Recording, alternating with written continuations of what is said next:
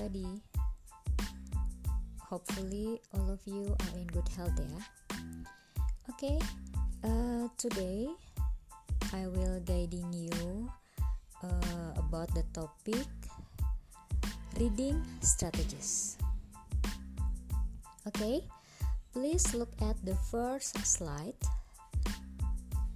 Uh, di sini yang pertama ada reading strategies atau strategi-strategi dalam membaca ya. Khususnya dalam artikel uh, atau karya tulis ilmiah dalam bahasa Inggris ya. Di sini yang pertama the first is previewing ya. what is previewing? Previewing is gather information about a book an article by its cover its title or its uh, figure ya. Jadi yang namanya previewing adalah mengumpulkan informasi mengenai sebuah buku, sebuah artikel uh, hanya based on dari melihat covernya saja, gambar covernya saja atau judul artikelnya atau judul bukunya saja ya. Nah, di sini uh, gunanya previewing adalah to help for predicting. Nah, ini kata kuncinya ya.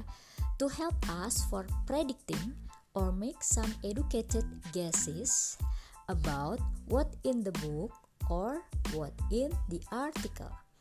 Jadi, previewing ini tujuannya adalah membantu kita atau membantu pembaca untuk memprediksi atau membuat beberapa uh, dugaan-dugaan tapi dugaan ini ilmiah ya bukan dugaan yang ala-ala netizen ya. Nah di sini kita membuat dugaan. Biasanya dengan kita melihat cover dari sebuah buku wah kayaknya ini buku isinya tentang anu. Oh ini kayaknya bahas tentang anu. Nah itu biasanya hanya uh, Only by seeing the cover, the figure, or the title about the book or the article, kita bisa membuat prediksi atau mempredik kira-kira isinya tentang apa. Begitu, ya. Nah, di sini step-steps yang harus kita lakukan ketika we uh, do previewing adalah first uh, yang pertama adalah read the title ya. Baca judulnya baik-baik. Kemudian uh, second, look at the picture if there any. Kalau ada gambarnya, ya. And the third, read the first few sentence in the first paragraph. Bacalah kalimat pertama pada paragraf pertama. Ya. Next, read the first line of other paragraph. Misal begini, Anda sudah baca nih the first few sentence in the first paragraph. Duh, belum nyangkut juga nih kira-kira buku ini tentang apa ya. Nah, barulah kita baca lagi uh, another line di paragraf berikutnya gitu ya. Biasanya kalau kita membaca suatu paragraf atau suatu apa ya, karangan itu apabila kita membaca satu atau dua kalau saya biasanya tiga ya satu sampai tiga kalimat pertama dari satu paragraf itu kita sudah punya gambaran. Oh oke okay, ini bab satu buku ini kira-kira nyeritain tentang anu begitu ya. Nah kalau misalkan sudah sampai beberapa paragraf masih belum paham juga kita belum kena juga gitu ya kira-kira buku ini atau artikel ini ngejelasin apa ya? Nah anda lakukan yang kelima yakni read the first and the last sentence of the last paragraph. Anda cari paragraf paling akhir dari chapter tersebut. Kemudian baca kalimat pertama dan kalimat paling akhir. Nah, itu karena usually the first sentence itu adalah berisi biasanya main ID atau pokok pikiran dari suatu paragraf. Sedangkan ada juga ke paragraf yang main ID-nya terletak di paling belakang atau terletak di kalimat terakhir pada suatu paragraf gitu ya. Jadi, apabila dari step 1 hingga 5 ini sudah kita lakukan, maka kita sudah dapat uh, predicting about the book, about the article, atau make some educated guesses about the book gitu ya. Oke, uh, semoga dapat difahami. Sekarang uh, I will continue to the next slide. Yang kedua, reading strategies yang kedua adalah skimming. Ya. What is skimming? Skimming di sini tujuannya adalah to find general ideas ya. Jadi ide-ide secara umum about the book or an article. Ya. Nah, jadi yang lebih general ya, yang lebih khusus. Kemudian di sini steps for skimming.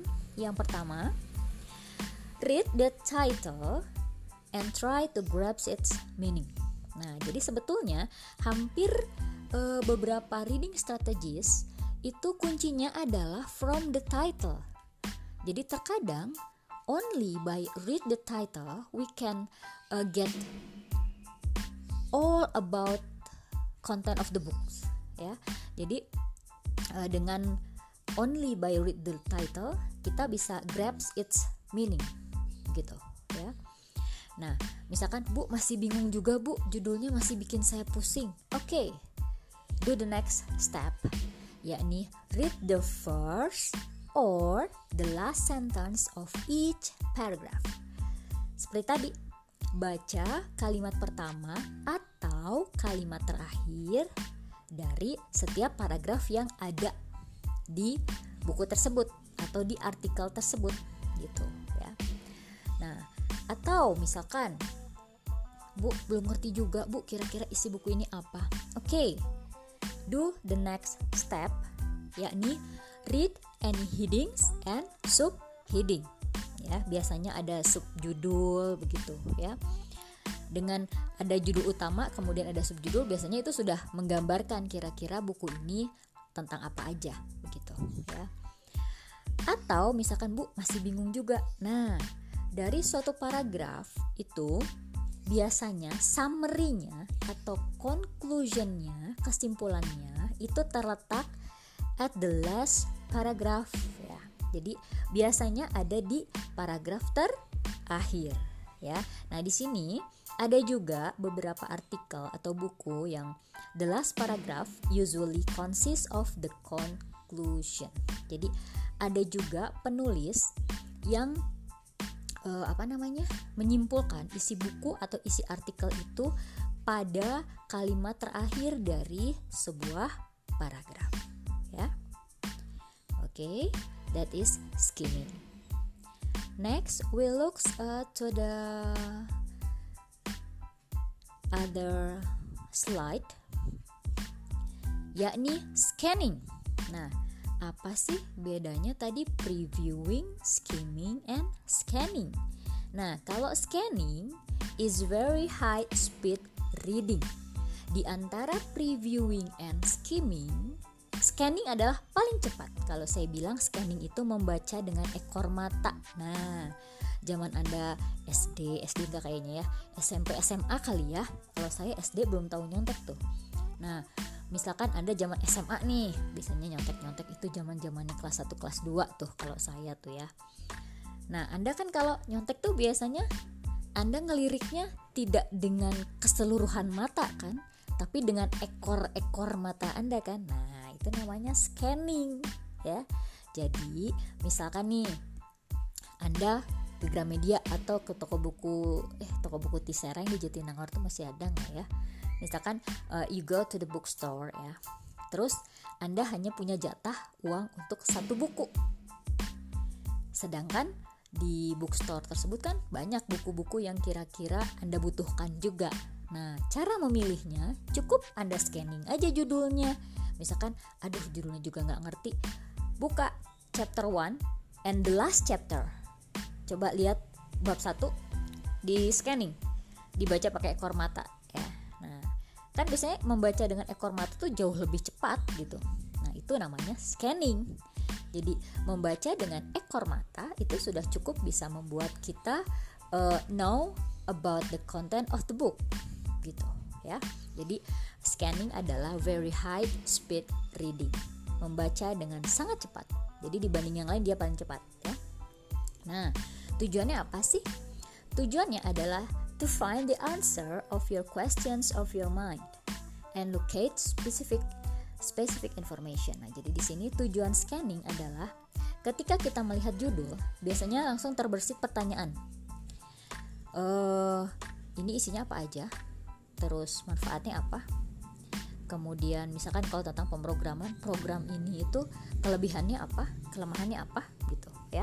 Nah, di sini untuk menjawab pertanyaan-pertanyaan yang ada di pikiran kita, kita cari dengan cara scanning. Kan kadang-kadang gitu ya. Supaya lebih mudah contohnya jangan buku, jangan textbook perkuliahan ya.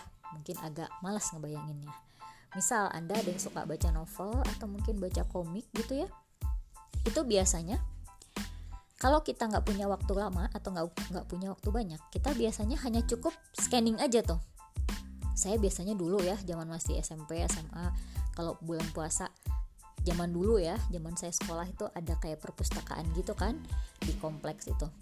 Jadi uh, saya biasanya triknya adalah ketika saya ke taman bacaan itu saya ambil 5 buku atau 5 komik saya baca scanning di situ set, oke kelar tuh 5 buku saya udah tahu isi, isi isinya tentang apa nah karena di situ dibatasi, ketika kita menyewa buku tersebut hanya boleh 5 buku. Jadi akhirnya dengan waktu misalkan satu jam saya diam di perpustakaan tersebut, saya bisa uh, baca 5 buku di situ, 5 komik di situ yang 5 saya bawa pulang gitu. Jadi uh, scanning itu hanya cukup kira-kira dari judul yang ada di kepala saya kira-kira informasi apa ya yang pengen saya tahu. Oh, kira-kira si lakonnya ini bakal menang ketika lawan siapa? Nah paling yang saya cari itu oh dia bakal kalah nanti sama siapa? Gitu misalkan saya kan senang Marvel yang seperti itu. Saya paling hanya lihat itu oh dia kalahnya kapan nanti? Oh dia nanti menangnya kapan? Nah, itu yang saya yang saya ingin tahu gitu kan? Jadi itu namanya eh, salah satu contoh scanning ya itu namanya scanning. Nah kemudian di sini steps for scanning First is decide what information, uh, information you are looking for. Jadi, Anda putuskan kira-kira yang tadi seperti saya contohkan ketika saya baca komik Marvel ya. Kira-kira informasi apa sih yang akan kita cari? Nah, langsung Anda cari dengan cepat ya. Kemudian, decide where you need to look to find the information you want. Nah, jadi kan biasanya kita lihat ya ada di daftar isi atau kalau komik atau novel biasanya sudah ada di situ ya. Di bab 2 itu nyeritain tentang apa bab 3 nyeritain tentang apa. Misalkan bab kesekian uh, kematian Avengers misalkan ya. Nah di situ kan udah ada. Jadi kita sudah bisa tinggal buka-buka-buka aja gitu ya. Hanya lihat uh, subheadingnya kemudian lihat kesimpulannya seperti apa selesai deh gitu ya. Hanya dalam misalkan 20 sampai 30 menit kita bisa menyimpulkan satu buku uh, meskipun kita tidak baca secara keseluruhan gitu ya.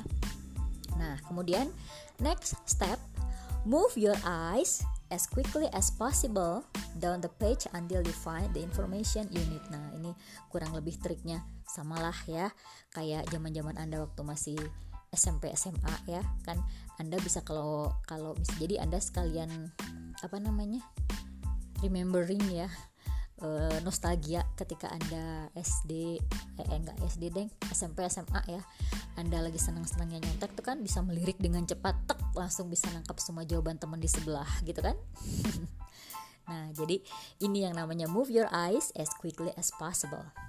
Kemudian uh, step berikutnya adalah when you find what you need do not read further. Jadi ketika kita sudah dapat informasi yang ingin kita peroleh sudah stop ya. Jangan langsung kepo pengen baca yang lain waktu kita habis gitu ya. Jadi ketika kita mau membaca buku contohnya gini deh. Ada yang sudah pernah ikut tes TOEFL belum? Nah tes TOEFL itu kan kita disuguhi ber berjibun-jibun tuh teks ya.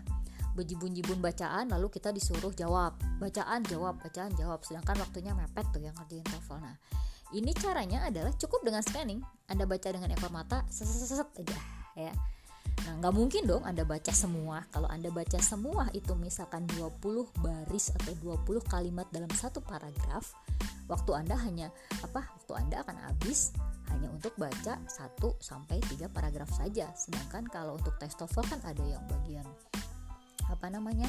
listeningnya tuh nanti bagian strukturnya wah waktu kita harus benar-benar bagi waktu dengan baik gitu ya. Harus memanage waktu dengan baik. Kalau waktu kita habis hanya untuk baca satu paragraf saja dengan secara keseluruhan wah ribet gitu ya. Yang ada kita nggak ngerjain soal-soal lainnya ya. Nah jadi strategi-strategi reading di sini reading strategi di sini bisa kita pilah-pilah. Kapan saya akan melakukan skimming atau untuk baca buku yang seperti apa saya harus skimming kemudian untuk uh, kita pakai previewing ketika kita akan mau baca buku yang seperti apa. Kemudian kapan kita akan melakukan scanning gitu. Jadi uh, previewing, skimming, and scanning itu based on your needs. Jadi berdasarkan kebutuhan anda. Anda butuhnya uh, informasi yang seperti apa? Detailkah uh, hanya general ID kah? Gitu ya. Jadi anda bisa pilah-pilah sendiri Oke, okay, we move to another slide. Di sini misalkan ada Anda mau mempreview a text ya, suatu teks. Nah, di sini langkah yang harus kita lakukan pertama adalah determine whether you are reading victim or non sorry kok victim sih, fiction, fiksi or non fiksi. Nah, kemudian preview the part of the book. Pertama, covernya Ah, dari cover saya masih belum bisa memprediksi, Bu. Oke, lanjut. Title. Aduh, titlenya muter-muter, Bu. Oke, sekarang coba buka halaman-halaman berikutnya. Lihat tab tabel-tabel yang ada di dalamnya. Biasanya di sudah menggambarkan kira-kira dia tentang apa sih ini buku, gitu ya. Atau, Bu, bukunya nggak ada tabelnya, Bu. Oke, kita lihat chapter titlesnya, ya. Nah, masih puyeng juga bu. Coba lihat subtitle. Nah kalau subtitle juga masih pusing biasanya ada tipikal orang yang hanya dengan melihat gambarnya saja atau ilustrasi-ilustrasi yang ada di dalam sebuah buku ataupun artikel atau petanya, mapsnya atau foto-fotonya itu sudah bisa menyimpulkan isi buku secara keseluruhan gitu ya atau bisa juga captionnya caption yang ada di buku-buku tersebut. Gitu ya. Oke semoga dapat difahami. Kita lanjut to the next slide. Set a purpose for reading. Uh, apabila kita mau membaca sesuatu otomatis di kepala kita pasti terbersit uh, gue baca ini untuk apa ya? Gitu. Yang pasti ada tujuannya. Itu misalkan saya mau baca buku Marvel buat refresh. Kemarin-kemarin saya pusing nih belajar statistik lah belajar teori graf lah dan aljabar abstrak atau apalah itu. Akhirnya saya baca Marvel. Tujuannya apa? Refresh. Nah berarti kalau refresh saya harus pakai apa nih? Previewing skimming atau apakah? Gitu. Ya jadi itu yang dinamakan dengan set a purpose for reading. Karena setiap uh, setiap artikel atau buku yang kita baca itu strategi yang akan kita tentukan adalah bergantung kepada kita sendiri tujuannya buat apa gitu ya. Nah di sini your purpose for reading shapes that uh, shape the way you read. Nah di sini ketika anda membaca untuk belajar, when you study, you read slowly. Karena ketika kita mau belajar nggak mungkin kita bacanya keburu-buru ya. Kalau kita bacanya terburu-buru, yang ada bukan nempel di kepala gitu ya. Jadi uh, saya ulang lagi, Your purpose for reading shapes the way you read. Jadi uh, tujuan Anda untuk membaca membentuk cara Anda membaca. Jadi when you study, ketika Anda belajar, maka you read slowly to understand and remember the material. Ya. Jadi kalau kita uh, membaca tujuannya dalam untuk belajar sesuatu maka kita harus bacanya slowly nggak bisa pakai scanning gitu ya. Karena kita harus memahami pelan-pelan dan mengingat bahannya satu per satu step demi step. Nah but when you read for entertainment ketika anda membaca yang tujuannya untuk hiburan for refresh you read more quickly. Seperti tadi saya bilang saya butuh refreshing. Tapi misalkan waktu saya untuk baca komik cuma 30 menit. Caranya gimana ya? Nah itu tadi. You read more quickly. Bisa scanning kayak bisa pakai skimming or previewing gitu ya. Kemudian yang kedua adalah setting a purpose. Itu akan save time ya. Jadi ketika di kepala kita sudah ada kita sudah pegang buku terus sudah ada nih purpose di kepala kita bahwa saya buku baca buku ini untuk tujuan A. Nah itu akan lebih menghemat waktu gitu ya. Nah if you know why you are reading so you won't waste time reading material that you don't need at the time. Jadi ketika di kepala kita sudah ada tujuannya saya baca buku ini untuk anu anu anu. Dan jangan membaca yang selain yang ada di kepala anda itu gitu itu akan lebih menghemat waktu ya nah kemudian berikutnya adalah setting a purpose improves understanding jadi ketika kita menyeting satu tujuan di kepala kita untuk membaca sesuatu, ketika kita sudah pegang buku, ah saya tujuannya mau anu, mau A. Nah, ketika kita sudah meyakinkan tujuannya itu, maka itu pemahaman kita akan lebih cepat. Gitu. Kita jadi nggak mikirin yang lain-lain, jadi fokus kepada apa yang ingin kita cari di buku tersebut seperti itu ya oke okay. we move to another slide selain uh, reading strategies yang tadi sudah dipaparkan di slide ada juga langkah yang dinamakan tap prior knowledge nah biasanya kalau yang tipikal orang yang apa ya sistematis pola pikirnya terstruktur biasanya uh, kalau kita mau baca buku kita catat tuh. Kita bikin oret-oretan. Nggak perlu pakai tabel-tabel seperti ini ya. Kalau saya biasanya cukup ditulis di notes atau di note di handphone saya. Misalkan saya hari ini pegang dua buku.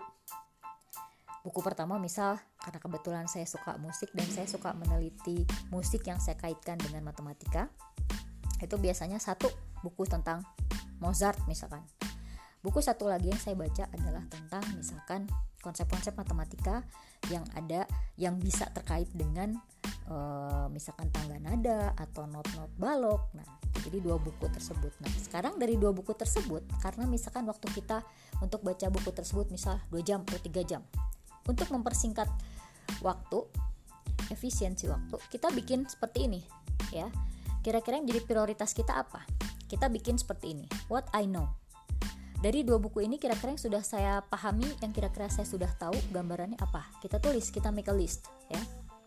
Kemudian dari dua buku ini what I want to find out. Kira-kira saya mau cari informasi tentang apa ya?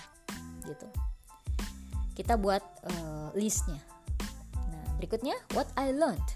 Dari dua buku ini yang kira-kira ingin saya pelajari apa? Kita tulis. Nanti kalau sudah setelah kita buat list semua tinggal kita cari di buku tersebut kita stabiloin gitu. Ya kalau saya biasanya gitu. Jadi ketika baca tuh saya nggak mau baca yang nggak penting nggak penting atau yang kira-kira nggak saya butuhkan. Jadi dengan udah saya tulis poin-poinnya di list tersebut uh, next I just uh, read that information that I need gitu ya. Nah oke okay. we move to another slide. Nah di sini ask and answer questions di sini yang pertama, ask yourself questions to define unfamiliar words. Nah, biasanya ketika dalam membaca buku, triknya begini ya. Ketika kita baca buku bahasa Inggris, jangan pernah di tangan kanan Anda pegang kamus atau Anda langsung buka handphone kamus atau Google Translate. Why? Karena ketika kita membaca buku, terus ada kamus, kita jadi apa ya bergantung banget sama kamus itu. Contohnya gini deh yang lebih simple analoginya. Anda lagi nulis nih ya bukan bukan ngetik Anda nulis. Anda sedang menulis misalkan ada tugas yang harus tulis tangan. Di depan Anda ada tip X. Ny e, tanpa apa tanpa Anda sadari ketika ada tip X di depan Anda itu pasti akan sering banyak salah kan? Beda dengan ketika Anda nulis terus di depan Anda tuh nggak ada tip X nggak ada penghapus atau nggak ada apa namanya ya uh, alat untuk menghapus tulisan. Pasti tulisan Anda dari berapa halaman gak akan pernah salah. Tapi ketika kita lagi nulis, di depan kita sudah dengan sengaja menyiapkan tip X, itu kita malah akan sering melakukan kesalahan. itu apa ya saya juga agak kurang paham secara mungkin sugesti ya kalau secara psikologisnya jadi itu ditarik oleh pikiran kita sendiri oh ada tipek di sini jadi kita tanpa sadar itu malah jadi salah nulisnya sering banyak kesalahan nah begitu juga saran saya ketika anda mau membaca buku bahasa Inggris. Anda nggak perlu terjemahkan karena biasanya kalau kita baca buku bahasa Inggris terus di depan kita ada kamus kita langsung gatel tuh. Pengen jadi kadang-kadang per kata kita terjemahin pakai kamus atau Google Translate dari handphone gitu. Dan itu sebetulnya tidak baik. Jadi cukup anda cara anda mentranslate atau me menerjemahkan di otak anda itu jangan uh, word by word jangan kata demi kata tapi better per kalimat lebih bagus lagi per paragraf anda baca satu dua tiga kalimat anda diam dulu anda diam dulu jangan berusaha untuk menerjemahkan pakai kamus nah biasanya dari beberapa baris kalimat itu nanti akan ada beberapa kata yang unfamiliar. Nah, kalau ada Anda temukan itu, barulah Anda stabiloin. Atau di, kalau itu memang buku Anda kan boleh ya distabiloin kayak dikasih garis merah kayak kalau saya biasanya saya stabiloin jadi buku saya itu nggak pernah ada yang rapih pasti ada stabilonya ada garis-garis merahnya di bawah gitu jadi kalau itu buku Anda distabiloin ditandain kalau tidak, terpaksa dicatat kayak tadi. Misal halaman pertama, uh, first page. Kira-kira ada kata-kata unfamiliar apa? Barulah itu yang Anda cari istilahnya di kamus gitu ya. Jadi jangan per paragraf apalagi uh, sorry kalau per paragraf itu bagus ya. Jadi per kata jangan per kata. Jadi Anda baca satu dua tiga kalimat terus anda endapkan dulu anda diam dulu ini kira-kira tentang apa ya kurang lebih sama lah ketika anda uh, denger lagu bahasa Inggris misalkan baru pertama kali didengerin oh ada lagu ini. Kan kadang-kadang ih enak ya.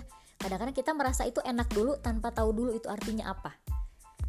Uh, wah enak ya. Barulah mikir tentang apa sih ini lagu? Nah pasti kan anda terjemahin. Otak anda menerjemahkan tapi kan tidak per kata juga kan terjemahinnya gitu. Jadi anda dengerin lagu Anda pahami satu paragraf oh ngerti deh kurang lebih intinya tentang orang patah hati. Nah gitu ya. Jadi cara kita memahami suatu artikel bahasa Inggris itu supaya Anda lebih enjoy it. So you have to treat uh, seolah-olah Anda itu sedang menerjemahkan lagu kayak komik kayak gitu ya. Jadi keandanya relax gitu. Menerjemahkannya jadi menikmati bukan jadi terbebani ya.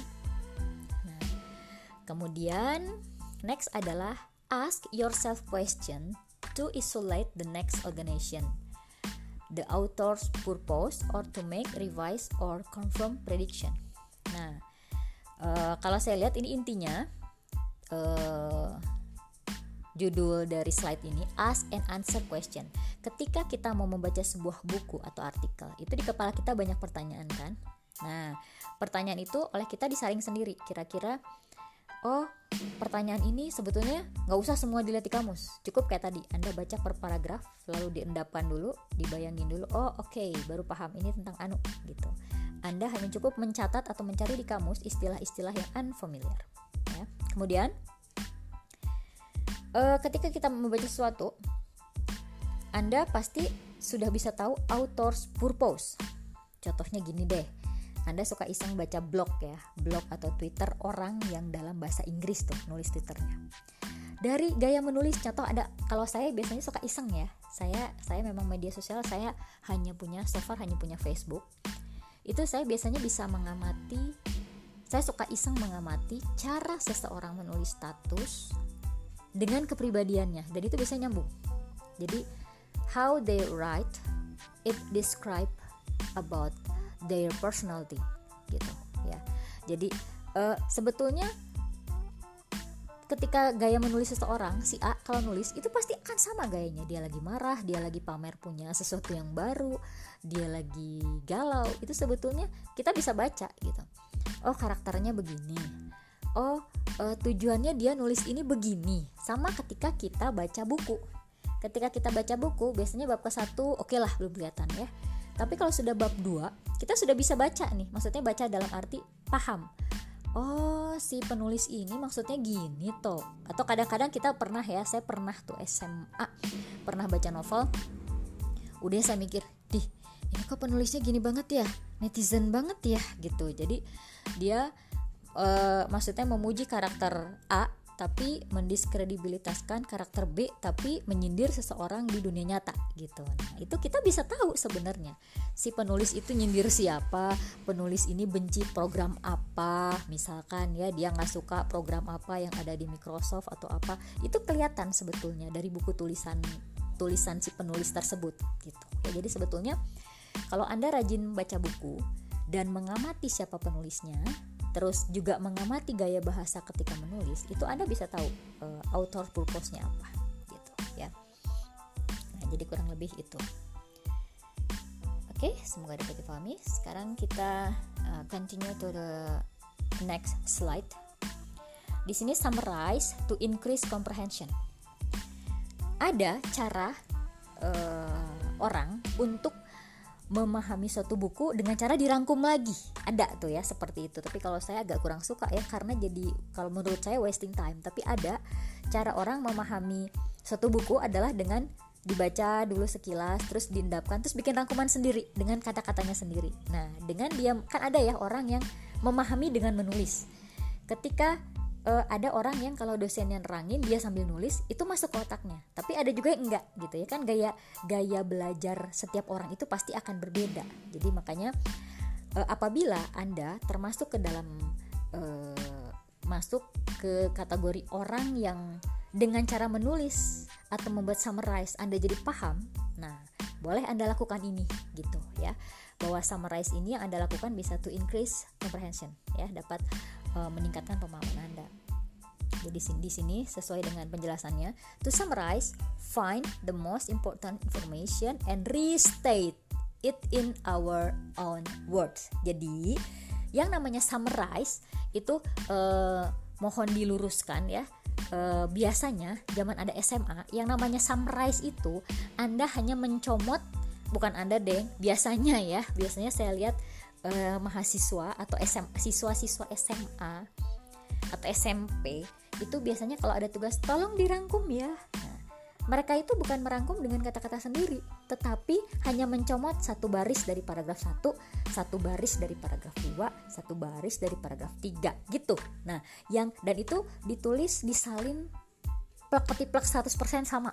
Nah, sebetulnya yang namanya summarize itu bukan seperti itu, tapi saya contohin yang simple aja ya. Eh, Anda denger lagu nih. Hmm, lagu apa ya? Saya kurang apal tuh lagu-lagu judul yang sekarang tuh. Misalkan Anda denger satu lagu bahasa Inggris ya.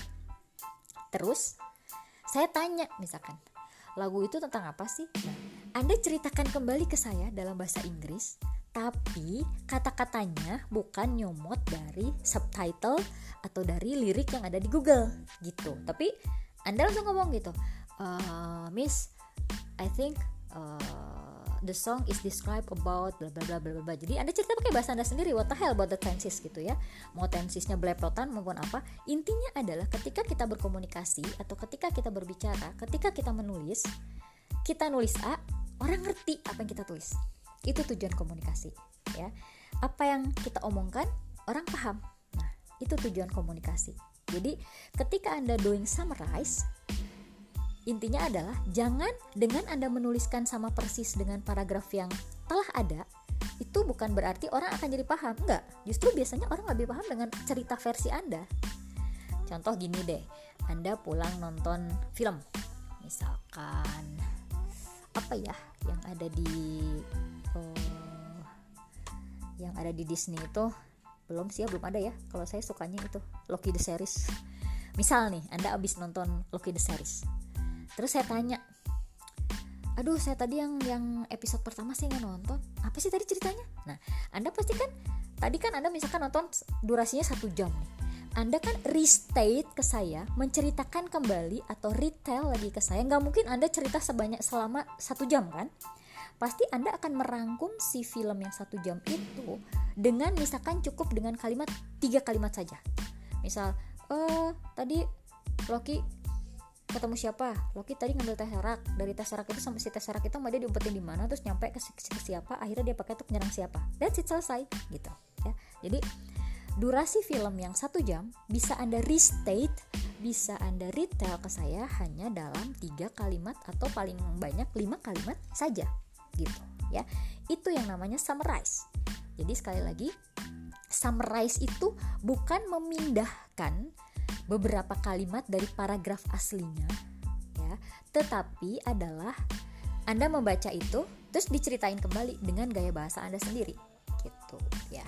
Yang penting orang paham dengan apa yang sudah Anda ceritakan ya. Jadi jangan salah kaprah ya.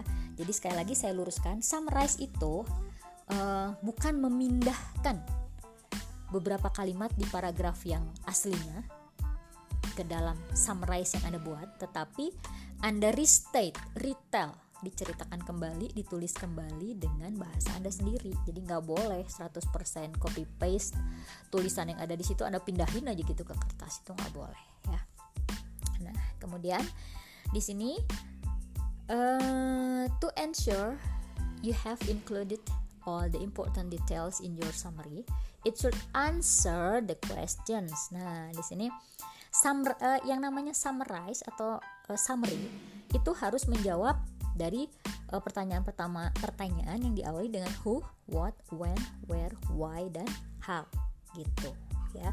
Jadi sekali lagi tidak boleh asal uh, only put some sentence from original text to your summary apalagi anda udah mahasiswa mahasiswa unpad lagi ya. Jadi nggak mungkin dan nggak boleh juga tuh mindah-mindahin kalimat begitu aja ya.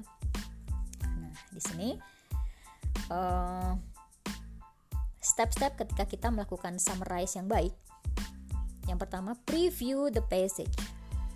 Kemudian set the prediction and read the passage well. Berikutnya, find the main ID and important details. Next, explain them. Nah, ini yang paling penting. Explain them in your own words, ya. Jangan just put it on your paper, tapi harus retell in your words. Kemudian, skim the passage again to make sure you have included all the important points, ya. Nah, the last, begin your sum summary by stating the main ID, then summarize the key details. Ya, jadi kurang lebih intinya adalah seperti yang saya jelasin tadi. Anda baca, pahami, endapkan, diceritakan kembali, ditulis kembali dengan bahasa Anda sendiri. Gitu ya. Nggak usah mikirin tenses ya. Tenses itu lama-lama akan masuk dengan sendirinya dan nanti sampai Anda akan aware. Anda akan alarm di diri anda akan bunyi bahwa ih ini tensinya salah nih wah ini kurang tepat nih gitu ya jadi nggak perlulah anda mikirin wah saya nanti kalau retail atau restate tensi saya salah. Nggak usah ya. Prinsip kita what the hell with tenses yang penting apa yang anda ucapkan dipahami oleh orang lain. Itu aja. That's the key ya. Oke. Okay. next. Nah kalau saya rangkum ya kurang lebih reading strategies itu reviewing previewing atau uh, previewing otomatis to predicting. Kemudian the next adalah skimming, lalu scanning, and then identifying facts and opinion. Nah, di sini Anda coba kalau iseng baca berita-berita online, saya rasa Anda kan sudah berpendidikan ya, sudah termasuk ke dalam sudah bukan siswa lagi tetapi mahasiswa. Jadi sudah bisa uh, make a difference between the fact and opinion. Yang namanya fact itu fakta kalau fakta adalah statement yang didukung dengan bukti, bukti dan juga hasil penelitian, bukan kata anu. Uh, ini adalah kata anu satu tambah satu adalah dua. Nah, kalau ada kata-kata kata anu, nah itu berarti opini, ya, not the fact. Kalau yang namanya the fact adalah begini, misalkan uh, pasien corona di Bandung melonjak tajam. Berdasarkan data ada tabel nih, ya di daerah kecamatan Anu dari tanggal sekian sampai tanggal sekian pasien corona sekian dari uh, daerah anu tanggal sekian sampai sekian ini. Dan sumbernya pun harus dilihat ya. Sumbernya berdasarkan Badan Statistik bagian Covid, Satgas Covid, uh, apa kok jadi Covid, Satgas Covid yang benar atau hoax gitu ya. Jadi cara membedakan fact and opinion adalah kalau fact itu pasti dilengkapi dengan bukti. Sudah dilengkapi dengan bukti, ada data yang valid. Datanya, sumber datanya juga jelas gitu. Tapi kalau opini itu hanya Si A mengatakan bahwa pasien COVID di daerah Jatinangor sedang tinggi. Kalau cuma bilang kalau cuma bilang oh iya Jatinangor sedang tinggi, datanya mana bu? Datanya mana pak? Gak bisa ngomong. Nah itu berarti opini. Next, guessing meaning or words using context clue. Nah, ini nanti di bab berikutnya saya ajarin ya context clues itu apa. Kemudian, identifying author stone. Kenapa saya cetak tebal? Author stone itu apa? means the way the author express his or her attitude through his her writing. Contoh, misalkan apa ya? Contoh Raditya Dika. Anda kalau baca buku-buku tulisannya Raditya Dika, itu pasti sudah tahu kan? Wah, dia pasti gayanya begini. Misalkan uh, humorous horor misal ya. Nah, atau ada penulis yang kalau ngomong gaya bahasanya kasar banget kayak nyindir-nyindir gitu berarti sarkastik ada juga yang selalu tulisannya itu menyatakan uh, disapproving tidak setuju lah tidak sependapat lah. Nah, itu biasanya kelihatan ya itu namanya author stone. Jadi ketika kita baca satu buku penulisnya si A. Tapi setiap dia menulis buku apa pun, mau dia tulis di episode berapa, dia tulis di buku yang tahun berapa, itu selalu gayanya kayak begitu gitu. Mengekspresikan kemarahan kayak kepatah hatian kayak atau misalkan orang yang memang isinya tentang yang lucu-lucu kayak atau misalkan isinya tentang misterius semua kayak gitu. Nah, itu itu author stone namanya, ya. Nah, kemudian yang terakhir adalah making inference or conclusion jadi sebetulnya uh, reading strategis ini kita lakukan adalah untuk mendapatkan kesimpulan akhir dari suatu artikel atau suatu buku itu isinya tentang apa sih gitu ya. Oke, okay, I think uh, this week uh, saya rasa cukup saya jelaskan tentang reading strategies and I hope all of you can understand it ya. Nah, misalkan ada yang belum bisa difahami atau Bu masih bingung, uh, you can ask uh, in the group ya atau bisa japri saya. Nah, for your activity today or this week di sini uh, Anda sudah mulai mengerjakan tugas tapi kelompok aja ya. Kelompok aja. Saya minta Anda Lihat artikel di buku English for Computing yang sudah saya share ya e-booknya. You look uh, you look on page 6. Di halaman 6 itu ada artikel yang nggak ada judulnya. Nah, Anda silahkan baca, kemudian tentukan kira-kira what is the suitable title for the article. Itu tugas Anda yang pertama. Yang kedua, saya minta Anda make a summary of the article based on step of reading strategies. Dan saya minta summary-nya nggak boleh lebih dari 10 kalimat. Oke, deal? Saya nggak mau terlalu banyak ya. Syukur-syukur 8 deh ya, saya batasi aja ya. Jadi summary yang Anda kumpulkan, saya hanya mau content of 7 to 10 sentences. 10 juga sebetulnya kebanyakan ya, bagusnya itu 7. 7 atau 8 lah ya tapi kalau misalkan bu susah bu saya pengen 10 supaya membuat orang lain atau membuat pembaca mengerti oke okay, I will excuse it ya jadi saya akan batasi Anda membuat summary untuk artikel yang ada di halaman 6 ini 7 sampai 10 kalimat. Kalau lebih dari 10 kalimat, nanti saya kasih nilainya B, enggak A ya. Oke. Okay. Nah, kalau sudah uh, hasil yang Anda kerjakan di post di Edmodo, tetapi yang memposting hanya ketua kelompoknya saja ya. Jadi nanti paling saya hanya dapat berapa lembar jawaban ya dari hanya tiap hanya dari setiap ketua kelompoknya saja. Dan tidak boleh lebih dari hari Sabtu jam 4 sore. Nah, yang namanya batasnya Sabtu, Bu, kalau ngumpulinnya hari Jumat boleh? Boleh, it's better ya. Oke. Semoga dapat difahami. Kalau ada yang mau ditanyakan berkenaan dengan tugas ini, you can ask me uh, in tube or you can uh, chat me privately, ya. Oke, okay, I think it's enough. Uh, see you next week. Keep your health. Uh, stay happy dan jangan ke mana-mana ya diam aja di rumah keep safe jaga kesehatan semua ya kalau habis pulang dari luar atau dari mana jangan lupa bersih-bersih mandi ya oke okay. bye bye see you then